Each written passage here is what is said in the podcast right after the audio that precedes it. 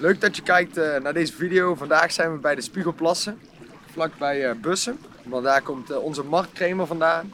Hij is ook een van onze sprekers in de Slaapacademie.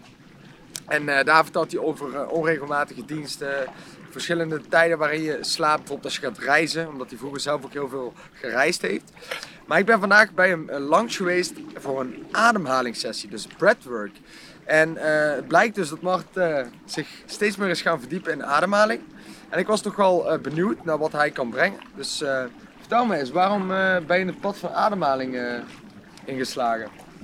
Ja, het pad van ademhaling, dat is, dat is, een hele goede vraag. Ik denk dat het bij heel veel mensen, als het om ademhaling gaat, überhaupt eerst begint bij het bewust worden dat we ademhalen en wat we ermee kunnen. nou heb ik het geluk dat ik in, altijd in een sportomgeving heb gewerkt. Ik heb veel zelf personal training gegeven vroeger, nog voordat mijn hele reisavontuur begon. Waar, waar je me misschien uh, eerder over hebt horen praten in de, in de conscious, uh, ja. conscious modules. En, uh, en dat was eigenlijk een hele grote periode waar ik dus altijd heel veel met sport en lichamelijke ontwikkeling bezig was. Alleen ik was ook altijd die personal trainer die zei tegen mensen, als aan mij vroegen van ja, wat moet ik doen met mijn ademhaling? Dan was het of van ja, gewoon uitademen als je kracht zet. Of uh, gewoon blijven ademen. Verder wist ik daar niet heel veel meer van af. Maar toen ik zoveel ging reizen en meer te, meer te, uh, meer te maken kreeg met stress en dat soort dingen, uh, merkte ik van hé, hey, mijn lichaam is constant wat gestrest, ik herstel minder goed, ik slaap minder goed. Uh, ik kreeg ook last van voedselintolerantie en dat soort dingen. En toen ging ik eigenlijk langzamerhand op zoek naar manieren om daarmee te leren dealen en daarvan af te komen. Uh, en toen kwam ik eigenlijk via mijn moeder die kwam toen een keer met een artikel over iemand die een beetje een soortgelijk leven had als ik. Dus wel gezond leeft, op zijn voeding let, op zijn slaap en dat soort dingen. Uh, die, die ook dezelfde klachten ervaren. En dan heb ik het over klachten als uh, je slaapt niet goed, je bent veel moe, je hebt veel voedingsstoffen waar je niet tegen kan, allemaal dat soort dingen. Nou, en die had de Wim Hof methode gedaan. En de Wim Hof methode is natuurlijk volledig gebaseerd op ademhaling en, uh, en koude training. Dus wij gaan ook zo meteen bij deze spiegelplas, de schoonste plas van Nederland, waar ik al mijn hele leven kom, gaan we lekker duiken nemen, want het water wordt steeds kouder. Maar uh, ja, daarmee kwam ik eigenlijk, daar kwam ik eigenlijk met, met, aanraking, uh, met ademhaling in contact. Uh, daarvoor wel eens proberen te mediteren, maar ik kon geen één minuut mijn ogen dicht houden. Oké. Okay. En door die te veel aan energie of? Nee, ja, ik, ik, kon gewoon, ik kon gewoon niet echt rust in mijn hoofd vinden. Dat, okay. was, dat was ook wel een ding waar ik altijd al wel last van had, maar nooit echt heel bewust mee aan de slag ging. En ja, het zonnetje schijnt hier lekker, dus het, het is mooi weer vandaag. Um, dus uh, ja, ik vond het moeilijk om rust in mijn hoofd te krijgen. En ik merkte dat er veel dingen waren die niet helemaal lekker liepen. Mm -hmm. En toen ging ik met die ademhaling, zonder de achterliggende informatie erachter te weten of er iets van, iets van te kennen, ging ik ermee aan de slag. Ik dacht, ik ga het gewoon doen en ik ga het gewoon ervaren. Denk dat dat voor iedereen heel belangrijk is. Maar ja, je kan altijd alles wel willen weten, maar ga het maar een keer voelen. Dat is heel belangrijk, want het is soms moeilijk uit te leggen. En dat deed mij heel goed. Ik, kreeg, meer, ik, ik kreeg meer rust in mijn kop, ging meer vanuit mijn hoofd in mijn lijf. Ik merkte dat ik beter sliep, uh, dat ik beter gefocust was. En uh, ja, toen ben ik uiteindelijk via, via, via nog een keer in aanraking gekomen met een ademsessie en een keer een coach die dat gaf. En tijdens zo'n sessie kreeg ik eigenlijk een inzicht van, hé, hey, hier wil ik wel meer mee doen. Uh, dit, dit, lijkt me wel heel tof. En toevallig ging die gast die die sessie gaf, die ging toen een opleiding geven. Die ben ik gaan doen. En uh, dat, dat trok mij heel erg. En toen leerde ik eigenlijk alles ja, over van eigenlijk dat verbonden ademhaling deel wat is, daar komen we denk ik later nog op. Maar vanuit daar dat ik wist dat iets met me deed, maar nog niet echt kon verklaren, ben ik gewoon meer gaan verdiepen. Ja, wat, wat is het nou eigenlijk? En toen kwam ik erachter hoe belangrijk ademhaling eigenlijk is voor, voor iedereen. En, en hoe onbewust we zijn van iets wat er altijd is. Elke seconde. Nu wij staan te lullen is ook eenmaal aan. Ja. En dat vergeten we wel eens. Nemen we voor lief, want we overleven er. En de vraag is, hoe overleven Ja. Want zonder ademen zou je nergens zijn. Want jij vertelde net iets moois ook uh, van wat nou als je ergens door een bepaald gebied loopt waar de lucht vervuild is, ja, dan kan het gewoon zijn dat je je adem in moet houden. Maar op een gegeven moment moet je ademen. Ja, ja. Ja het, is, het is eigenlijk, ik, ik, ik leg dat zo uit als, um, we hadden het toen over gezondheid. En ik heb natuurlijk heel veel mensen training gegeven, heel veel mensen persoonlijk begeleid. En er zijn altijd tools waar je naar kijkt. Je gaat trainen, je, je, kan kiezen hoe je traint, cardio of kracht. Je kan kiezen wat je eet, junkfood of healthy food. Uh, je kan zelfs nog bepalen hoeveel water je drinkt op een dag. Uh, je kan bepaalde invloed uitoefenen op je slaap. Dat zijn allemaal dingen die je kan bepalen zelf. Maar wat je niet kan bepalen is welke lucht je inademt.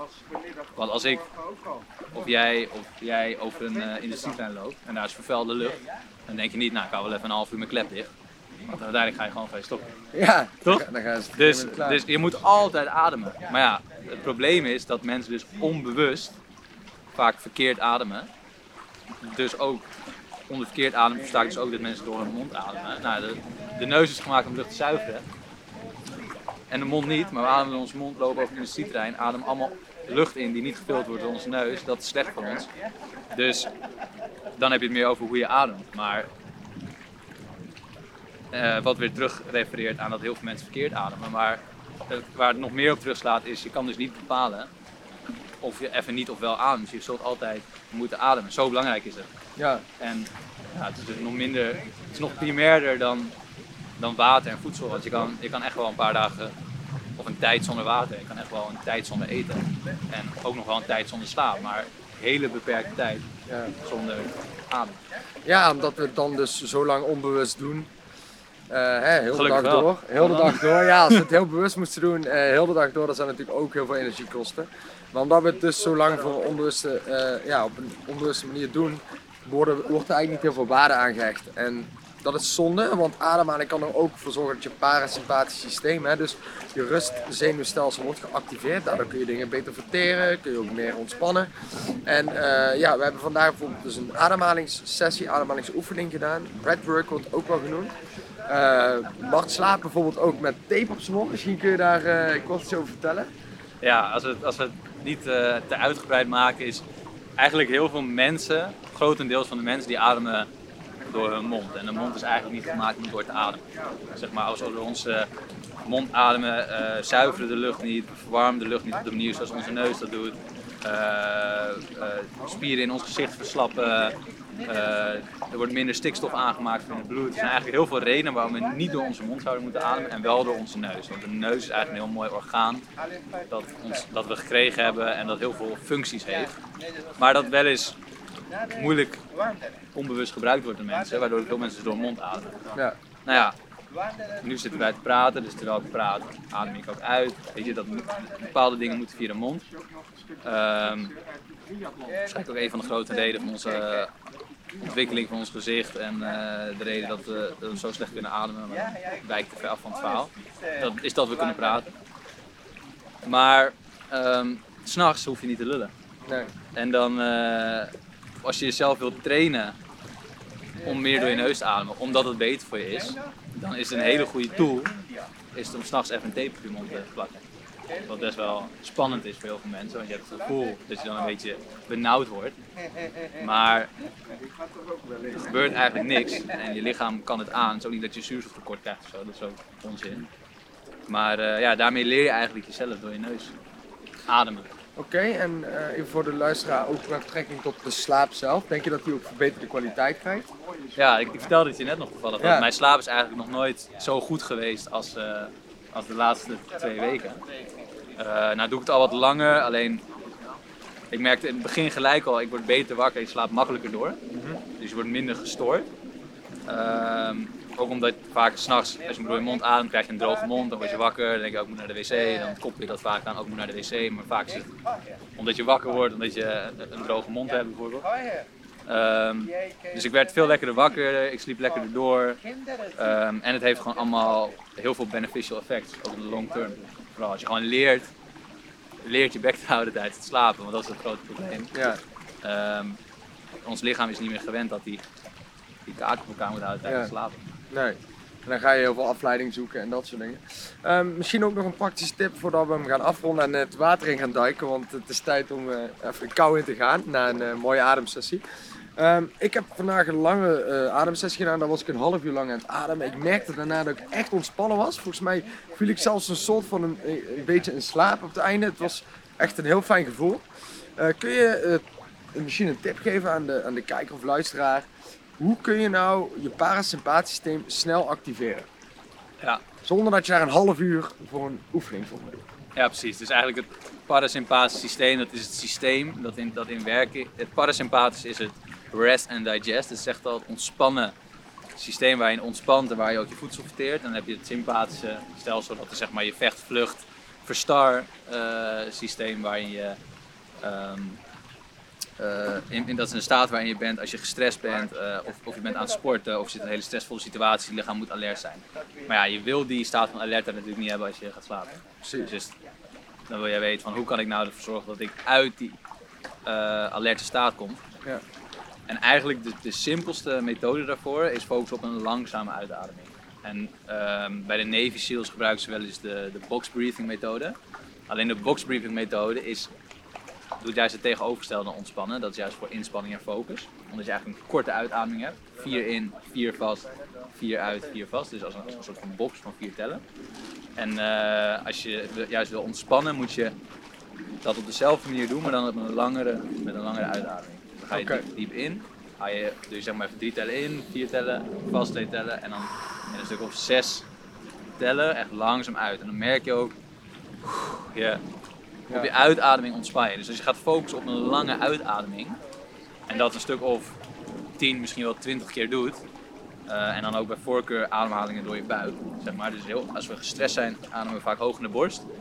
Als we minder gestrest zijn, ademen we vaak door onze buik. En ook, dat kun je ook testen als je een hand op je buik legt, of op je borst en een hand op je buik. Als je door je mond inademt, voel je vaak hier. Ja, En als je door je neus inademt, voel je meer bij je, bij je buik. naar je buik gaan. Ja. Dus, nou ja, het kan zijn dat je in het begin nog lastig vindt door je neus ademen, dat hij een beetje dicht zit. hè, maar dat, hoe die dat zo snel kan fixen, kan ik nu, dat we gaan, daar gaan we weer wat dieper op in. Maar bij voorkeur voor je neus, als het niet lukt door, lukt door je mond, en dan echt langzaam, langzaam uitademen. En als je, die, ja, als je dat gewoon een keer doet, plus je ligt in bed en je focust je überhaupt op je ademhaling, Ja. dan ga je even uit je koppie eh, naar iets toe. En dan dom, dommel je sowieso al veel sneller in slaap. Ja. ja, dus wat echt belangrijk is, eh, om het even samen te vatten, is dat je dus in die parasympathische staat komt voor het slapen. Dus de wat rustigere staat waar je niet aan staat, dus eigenlijk meer, meer uitstaan. En door middel van een inademing die eh, bijvoorbeeld 3 seconden duurt en een uitademing die 6 seconden duurt, kun je ervoor zorgen dat je het diafragma dus tijdens de uitademing langer naar beneden zakt, dus langer naar beneden staat.